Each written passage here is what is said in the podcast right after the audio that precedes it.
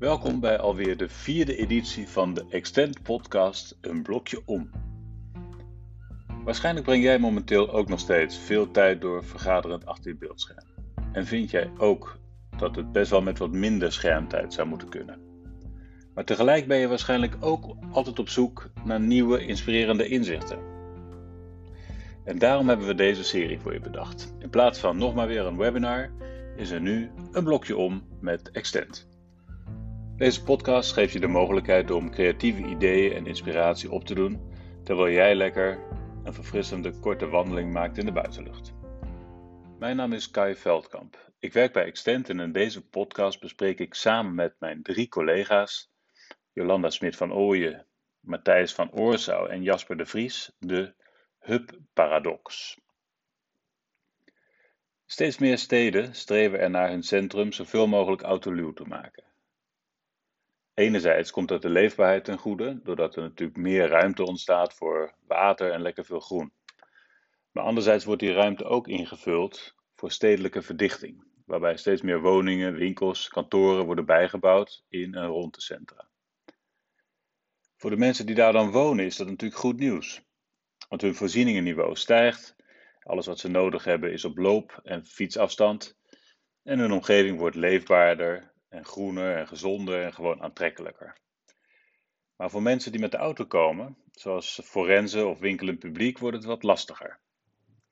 Want die rijden eigenlijk tegen milieuzones aan. Uh, hoge parkeerkosten. En uh, nou, het wegennetwerk maakt hen ook wel duidelijk dat fietser en voetganger echt wel voorrang hebben in dat gebied. De idee van hubs waar het in deze podcast over gaat is in principe eenvoudig. Je komt met je auto naar de stad aan de rand vind je een plekje waar je prima kunt parkeren en daar vind je ook direct het natransport voor de laatste kilometer naar je bestemming. Veel van zulke hubs bestaan eigenlijk al. Sommige bestaan zelfs al veel lang. Maar ze zijn nog geen gemeen goed geworden. Ze worden nog niet zo heel veel gebruikt. Ondertussen groeit de aandacht voor de vraag waar dat nou aan ligt. Onlangs was er zelfs een heus hubcongres.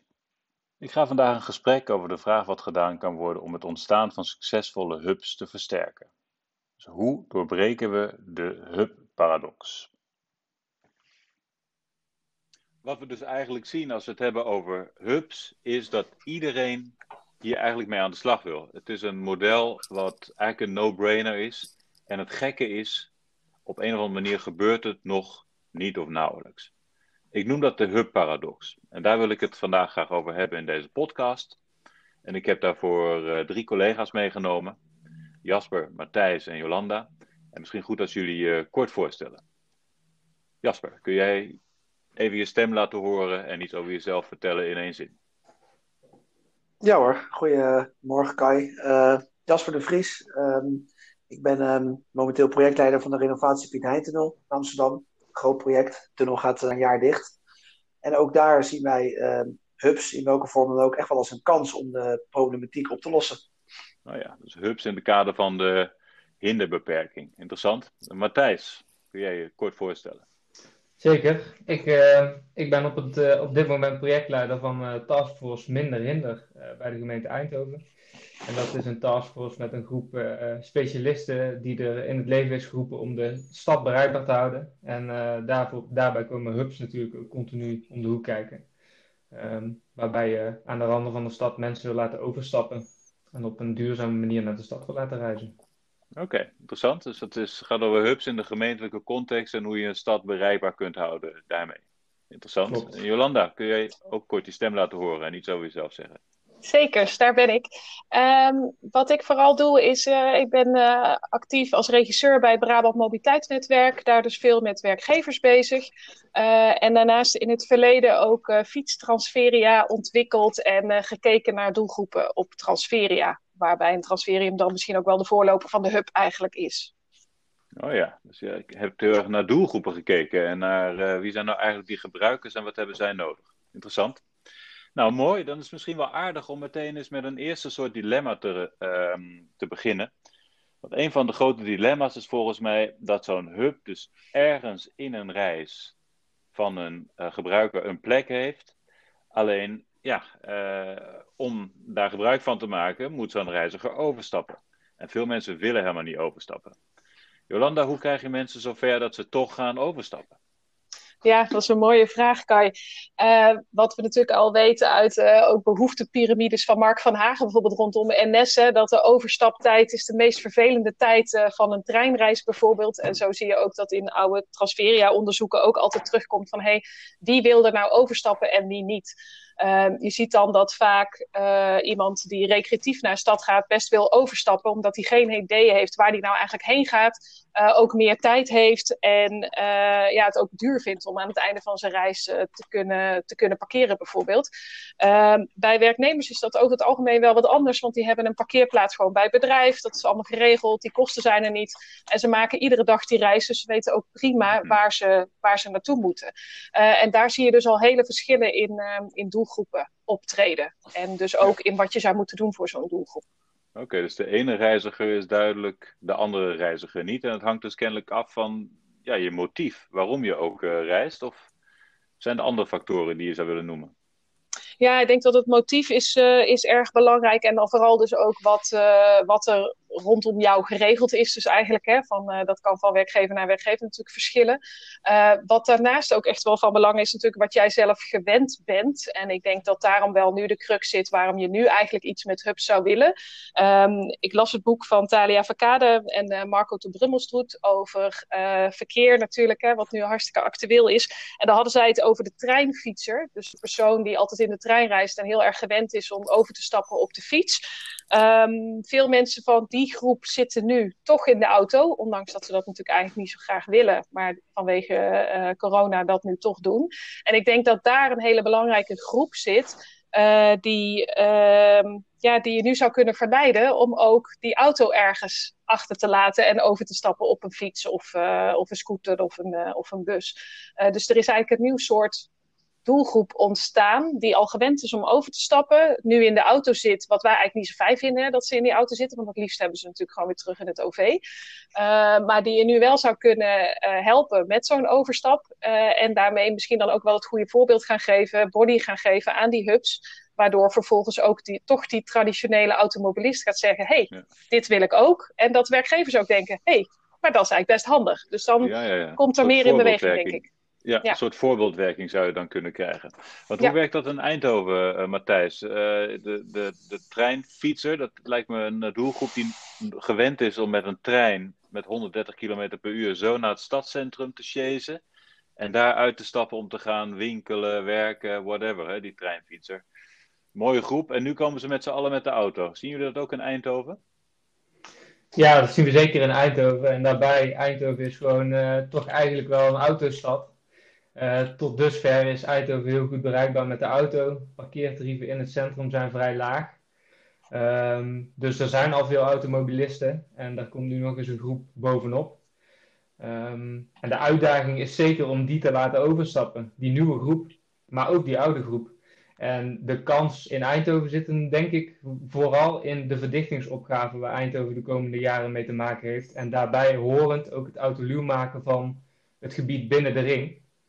En daar wordt hard aan gewerkt. Alle nieuwe nieuwbouwprojecten die in het centrum worden, worden geplaatst, um, die hebben daar te maken met extra parkeervraag die ze niet uh, kunnen invullen. Dus juist die mensen wil je ook aan de randen laten, laten parkeren.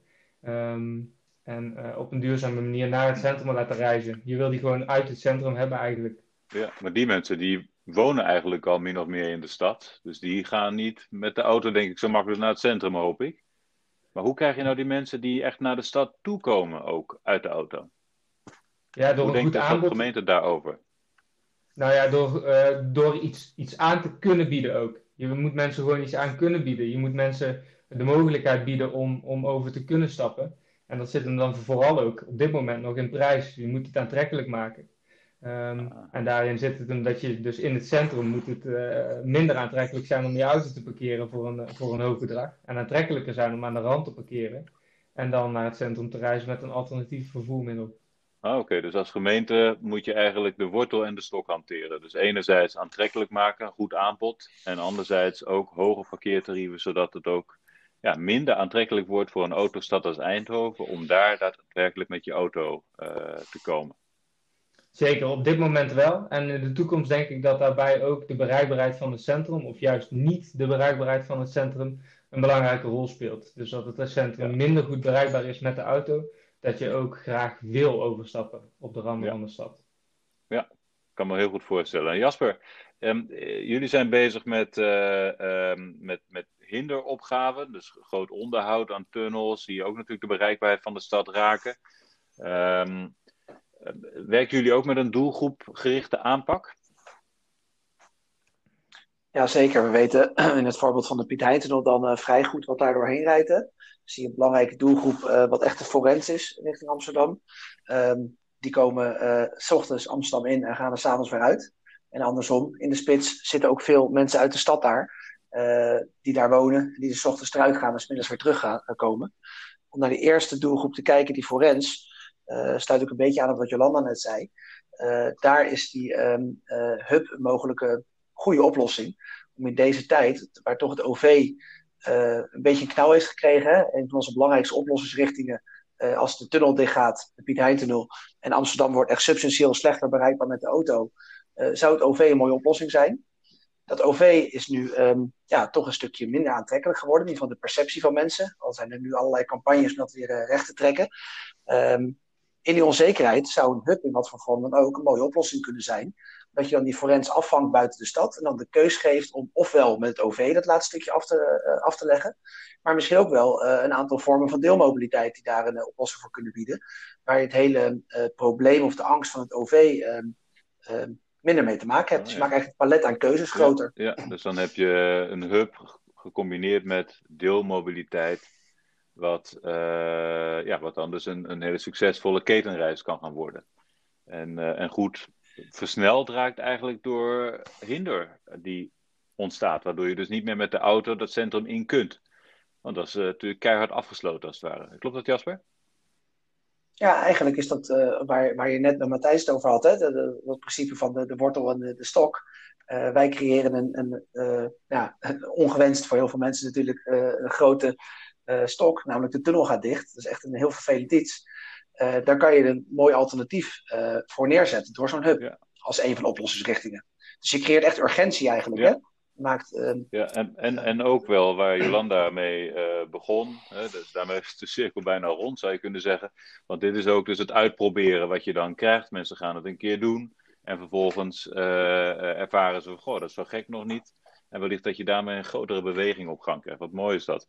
Interessant, ja, dat zou natuurlijk heel goed kunnen werken. We hebben het al even over deelmobiliteit gehad. En um, Jasper stipt het net al even aan. Ik vind dat wel interessant, want uh, die deelmobiliteit, daar is wel iets gebeurd in tijden van corona. Uh, ik heb toch de indruk dat het best wel een vlucht heeft genomen in de afgelopen maanden, het gebruik daarvan. Hoe waardevol is dit moment nou? Hoe waardevol is het nou om nu echt iets te gaan doen met deelmobiliteit? Matthijs, kun jij daar iets over zeggen? Zeker, ja, je moet gewoon de kans nu aangrijpen. Uh, zeker met die nieuwe, nieuwe, nieuwe reizigers, uh, die nu juist ook met de auto naar het centrum komen. Je moet juist dit momentum aanpakken om die mensen, die misschien waar, waar een parkeerplek niet gefaciliteerd is bij de werkgever, om die juist over te laten stappen um, op deelmobiliteit. En in Eindhoven hebben we dat ook nu het momentum geprobeerd te pakken om op allerlei windrichtingen ja, zogenoemde hubs in te richten, waarbij we als eerste uh, laaghangend fruit de deelscooters van, uh, van GoSharing hebben neer laten zetten op plekken. jullie hebben nu allemaal hubs ingericht, zeg je dat nou? Ja, eigenlijk wel. Ja, we noemen het overstaplocaties, maar het is eigenlijk een start van een hub. Um, en wij hebben gewoon bedacht, we moeten ergens beginnen. Uh, het is een illusie om te denken dat je een, ineens een perfect werkende hub met uh, vraag en aanbod perfect op elkaar afgestemd ergens neer kan zetten. Dat is gewoon een illusie. Je moet ergens beginnen. Anders dan ben je zo weer drie jaar verder voordat het uh, perfect geregeld is. En, en ik denk dat gedaan. je. Wauw. Ja, ja, daar zijn we mee begonnen. En ik denk dat je daar uh, eerder uh, uiteindelijk een, een, perfect werkende hub mee creëert. dan dat je het van tevoren helemaal uitdenkt. Omdat het natuurlijk continu wijzigt, continu nieuwe ontwikkelingen. En je kan nu niet voorspellen wat er over twee jaar gebeurt. En hoe dat vraag en aanbod ja. goed bij elkaar aan, aan gaat sluiten. Zo ontwikkelt zich dat natuurlijk, ja. Ja, mooi, mooi. En Jolanda, uh, qua doelgroepen, wat gebeurt daar? Uh, zeg maar, dus ik kan me ook voorstellen, zo'n hub ja, je, je begint ergens, een klein, ehm, ergens een hoekje op een parkeerterrein of iets, denk ik. Matthijs, zie ik dan voor me. Hè? Ehm, ja, wat doet dat nou met mensen, Jolanda? Nou, wat ik de, de, het mooie vind van nu en uh, waar we nu mee bezig zijn, zeg maar, van wat doet dat met mensen, daar hebben we al best wel wat studies naar gedaan. Hè? En uh, we zijn ook op allerlei plekken aan het uitdenken hoe moet dat nou met die hubs en wat moet daar allemaal wel en wat moet daar allemaal niet. Uh, het mooie van nu is denk ik dat we het dus gewoon kunnen gaan doen. Dat er ook urgentie zit bij verschillende partijen om het te doen. En dat we dus proefondervindelijk gaan kijken van wat hebben mensen nou eigenlijk daadwerkelijk wel nodig en wat hebben ze niet nodig. Um, en waar je eerst ook wel hele discussies kreeg over uh, moet er nou een wachtruimte zijn en uh, hoe moet, moet je daar ook een pakketjesdienst hebben, ja of nee? En uh, allemaal dat soort vragen kwamen naar voren van wanneer wordt zo'n hub of transferium dan nu echt aantrekkelijk? Um, ik denk het mooie van nu is, dat we daar even aan voorbij kunnen. want we hebben gewoon oplossingen nodig en dat moet nu. en nu zijn er ook allerlei deelaanbieders die daar van alles mooie, allerlei mooie dingen mee kunnen doen. Um, dus vooral draaien en laten we vooral kijken hoe het dan gebruikt wordt, wie het gebruikt en um, wat we dan vinden van welke groepen daar dan nog meer op aangehaakt zouden kunnen worden. Dus misschien okay. wordt het dan meer een ja. communicatievraag, zeg maar, dan dat het van tevoren uh, meer een uh, marktgerichte vraag wordt van hey, wie, uh, wie is de vraagsteller hier nu eigenlijk? Ja. Oh, mooi. Dus jij zegt eigenlijk van het maakt niet zo heel veel uit wat je nu doet, maar doe iets. Hè? Ga Precies. zorgen dat we nu iets neerzetten zodat mensen daarmee aan de slag kunnen, zodat ze ook kunnen ervaren en kunnen voelen hoe het is om, uh, ja, om op deze manier uh, te reizen. Ja, en ik denk daarbij ook hè, van, uh, dat anderen dus, of de reiziger kan ervaren en kan uitproberen. En uh, dat wij toch meer als beleidsmakers en uitvoerders vooral heel veel kunnen leren. Uh, dus dat ook hè, nu in Eindhoven, dat er gekeken wordt naar, oké, okay, wie gebruiken dan nu en hoe, hoe ervaren ze dat? En dat we dat weer mee kunnen nemen naar, naar volgende hubs. Weet je wel? Dat we dat nu niet gaan vergeten. Dus doen ja. en leren. Doen en leren. Dus vooral ook veel aandacht voor kwalitatief onderzoek parallel aan dat uitproberen. En zorgen dat we begrijpen wat mensen eigenlijk meemaken, hè? wat ze ervan vinden. Precies. Mooi. Ja, mooi.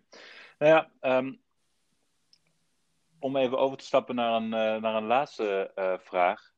Um, het is ook zo dat hier verschillende partijen elkaar moeten vinden die elkaar nog niet uh, altijd gevonden hebben. Want enerzijds hebben we dus de aanbieders van hubs en van deelmobiliteit. En anderzijds zijn natuurlijk steden die graag juist regie hierop willen hebben. En we hebben natuurlijk gezien wat er kan gebeuren als um, een stad overspoeld wordt door uh, deelmobiliteit. Hè. In de tijd dat uh, de grote fiets, deelfietsaanbieders naar Nederland kwamen, uh, is dat ook nog wel eens uit de hand gelopen.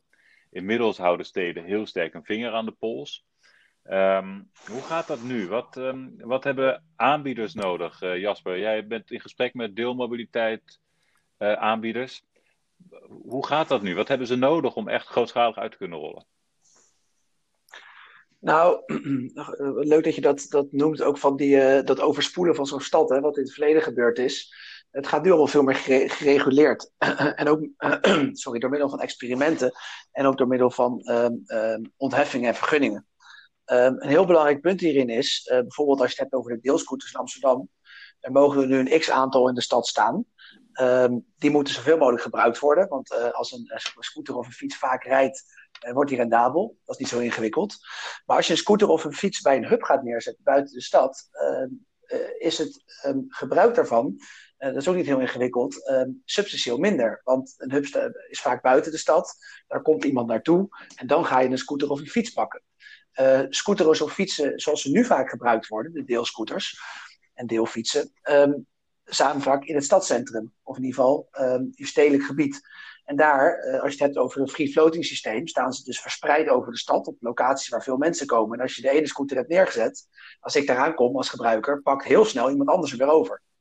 Dus als je dan kijkt naar wat heeft zo'n deelaanbieder nodig, is toch een stukje ondersteuning, in wat voor vorm dan ook, om dus uh, die deelmobiliteit op een rendabele manier neer te kunnen zetten bij zo'n hub. Ze hebben nog veel meer nodig waarschijnlijk, maar dit is voor ons ja. Uh, een van de belangrijkste uitdagingen. Interessant. En je zegt van die hubs die zijn altijd uh, buiten de stad.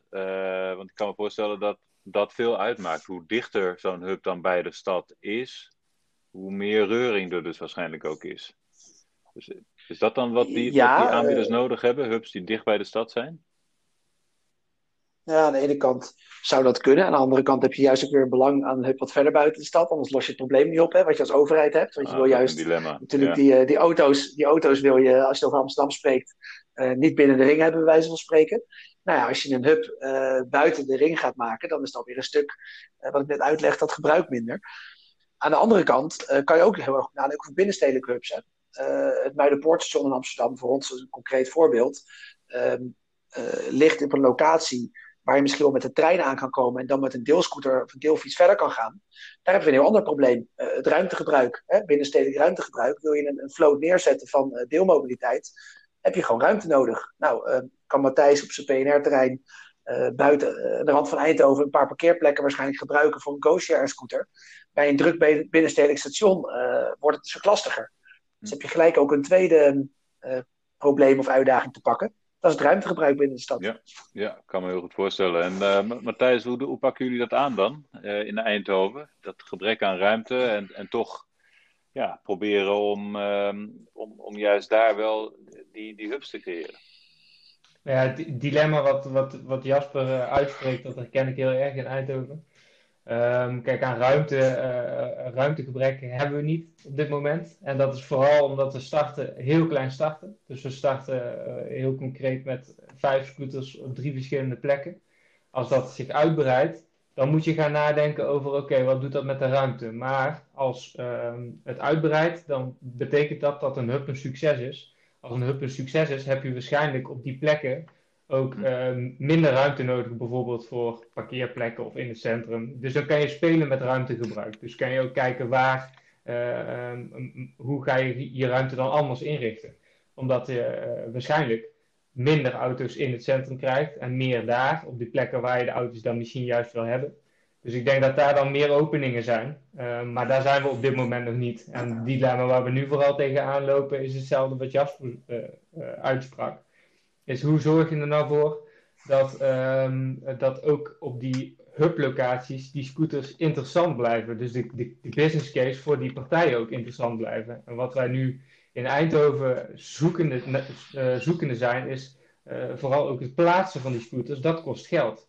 Wij hebben nu contractueel opgenomen dat die aanbieders van deelmobiliteit, nu van de deelscooters, ehm, elke dag op vier verschillende herverdelingslocaties scooters plaatsen elke ochtend. Ehm, maar die scooters die moeten daar dan ook weer terugkomen. Als jij zorgt dat het vraag en aanbod altijd goed is, dan komen die scooters daar ook weer terug. Dus het idee is dat mensen so uh, s ochtends een auto parkeren, met een scooter naar het centrum rijden en met dezelfde of een andere scooter weer terugrijden. En dat die scooter daar de volgende ochtend dus ook weer staat. Op dit moment werkt dat nog niet zo, maar dat is echt iets waar we zoekende naar zijn. En dat, dat werkt natuurlijk op die manier ook perfect voor zo'n aanbieder. Ja, want dan, ja, ja. ja. Mag uh, ik Jolanda, iets, jij wat, nog iets ja. toe toevoegen? Ja, ja wat misschien nog wel uh, interessant is als je even terugdenkt vanuit de transferium-gedachte, waar vaak dan OV zat aan een transferium, dus eigenlijk een oude hub met, met OV. daar wordt natuurlijk ook enorm geïnvesteerd in het OV, om dat te laten rijden van het transferium de stad in. En ik denk dat je nu dus ook gaat krijgen dat een deelmobiliteitaanbieder misschien niet zelf hè, dat draaiende kan houden vanaf een hub, maar dat je de techniek van die deelaanbieder wel heel graag wil hebben, want je wil kunnen reserveren en betalen en allemaal dat soort fratsen. Maar dat er dus vanuit de overheid geld bij moet om te zorgen dat die auto's allemaal niet doorrijden naar het centrum. Dus daar komt een andere gedachte bij, denk ik, dan die je gewoon hebt met een deelaanbieder in een stad. Ja, je zegt eigenlijk van het is ook een uh, gemeentelijk belang om daadwerkelijk nu die auto's ook echt aan die randen af te vangen. Ja, ja precies. Ja. ja, dat kan ik me heel goed voorstellen. Matthijs, die onderstreept toch eigenlijk maar weer dat het vooral belangrijk is om nu te beginnen. Hè, en om gewoon te gaan experimenteren. En uh, wat ik zo charmant vind aan hoe je dat neerzet, is ook dat het dus heel kleinschalig eigenlijk op dit moment is. En daar waar het groeit, daar zijn dus ook de goede plekken om uh, door te pakken en om uit te gaan breiden. Dus het is echt een soort olievlekwerking. Uh, Prachtig. Ja, en daarop aanvullend nog even als laatste is dat je ook uh, als, als, als overheid ga je ook met uh, deelmobiliteit aanbieders. Het zijn natuurlijk hele andere partijen. Leer je met elkaar samenwerken. Dus je bent continu met elkaar in gesprek om te kijken van waar zit nou de gezamenlijke business case. En dat, is, uh, dat vind ik wel heel mooi in deze ontwikkeling. En zo kom je natuurlijk ook naar, uh, naar een goed werkend systeem uiteindelijk. Dat is denk ik de, de beste manier. Ja. ja. en daarbij dan natuurlijk ook werkgevers en zo, hè, die natuurlijk ook onderdeel van die business case zijn. Dus die we daarin niet moeten vergeten. Of uh, grote publiekstrekkers, weet je, die hebben ook een belang bij als, uh, of over het algemeen een belang bij als niet al die auto's uh, op hun terrein komen te staan. Ja, ik zou, mooi. Ik zou Jasper nog een laatste um, vraag willen stellen, juist over die samenwerking. Want ik kan me voorstellen dat jij echt midden in dit speelveld zit, waarin maasaanbieders, deelmobiliteit aanbieders, gemeenten, uh, nou, misschien nog wel aannemers, werkgevers. Dat komt natuurlijk allemaal bij elkaar rond zo'n sluiting van zo'n tunnel. Um, hoe is dat ook wat jij meemaakt en hoe geef je daar richting in? Ja, dat is. Ik wilde toevallig ook net inhaken. Dus stel je die vraag, zeg ik. geeft inderdaad aan dat ik daar middenin zit en ik maak daar veel van mee, van de dingen die je nu beschrijft. Um, om het voorbeeld um, ook van de Maasaanbieders te noemen dat maakt natuurlijk straks, als er in die Maasconcepten zoveel mogelijk van die deelmobiliteitsaanbieders uh, zitten, maakt ook voor die doelgroepen, die gebruikers, maakt het weer een stuk aantrekkelijker om gebruik daarvan te gaan maken. Want Matthijs al zegt, het is best wel lastig om bijvoorbeeld die scooters uh, allemaal op zo'n PNR of op zo'n overstappunt te krijgen. Um, met een Maas-app uiteindelijk moet je zo'n ding kunnen gaan reserveren straks en ook actueel inzichtelijk krijgen of er inderdaad nog plek is. Um, wat ik daar nu in meemaak, is dat het momenteel best wel lastig is. Want ja, iedereen wil alles, hè? Wil, de, de Maas-pilots uh, willen allemaal een zo compleet mogelijke app. De deelmobiliteit aanbieders willen in de steden uh, hun, hun eigen product zo goed mogelijk neer, neerzetten. En af en toe is dat nu nog best wel lastig. Dus wat wij nu proberen, in ieder geval ik, bij, de, bij de renovatie van de Piet Heitel in Amsterdam, is om eigenlijk op alle dingen die toch al uh, in gang gezet worden, op de initiatieven die toch al lopen, daar volop in te zetten. En daar geen nieuwe initiatieven uh, naast te zetten. Omdat je het dan nog ingewikkelder maakt. Zag je in het verleden bij een hinderproject vaak nog dat het project ook zelf allerlei van dit soort maatregelen wilde gaan treffen. Hè? Apps maken, websites maken. Uh, nou, dit soort uh, toepassingen kan je ook over door van, fantaseren. Wij proberen eigenlijk te versterken wat er nu al in gang gezet is. En dus met de partijen die in Amsterdam al uh, bezig zijn, uh, te kijken, kunnen we daar uh, voor de Piet Heintunnel ook op een kleine schaal hoor, want ik onderstreep helemaal wat Matthijs zegt. Niet het gelijk veel te ingewikkeld te maken. Uh, het is wel ingewikkeld genoeg zoals we dit doen. Oké, okay, mooi. Dus uh, smart mobility niet daar en dan, maar hier en nu. Mooi. Gebruik van alles wat er al is. Hey, uh, samenvattend, de hub-paradox. Als ik zo jullie beluister, dan heb ik er een paar dingen uitgehaald die volgens mij het onthouden waard zijn. Ten eerste, belangrijk om te denken in doelgroepen. Niet alle doelgroepen zijn even makkelijk te verleiden. Maar volgens mij vooral die treinfietser, de beetje onwennige automobilist, die is volgens mij het makkelijkst. Maar als we daar nou mee beginnen, dan kunnen we daarmee misschien een olievlekwerking uh, veroorzaken en anderen laten aanhaken. Dat is ook wat uh, Matthijs een aantal keren heeft benadrukt volgens mij. Nu starten, al start je nog zo klein. Maar maak wel een start, want vanuit daar kunnen we verder groeien. Ja, en ik heb onthouden dat er ehm, vanuit de gemeente um, enorm helpt als uh, uh, dus ook met parkeertarieven wordt gewerkt aan het uh, aantrekkelijker maken van dat overstappen. En dat dat wel een stap is die in ieder geval gezet zou moeten worden. Nou, dat zijn even een paar dingen die ik eruit heb gehaald. Waarschijnlijk zit er nog veel meer in wat ik nu niet noem. Maar ehm, dit zijn voor mij de belangrijkste leerpunten. Dank jullie wel voor nu.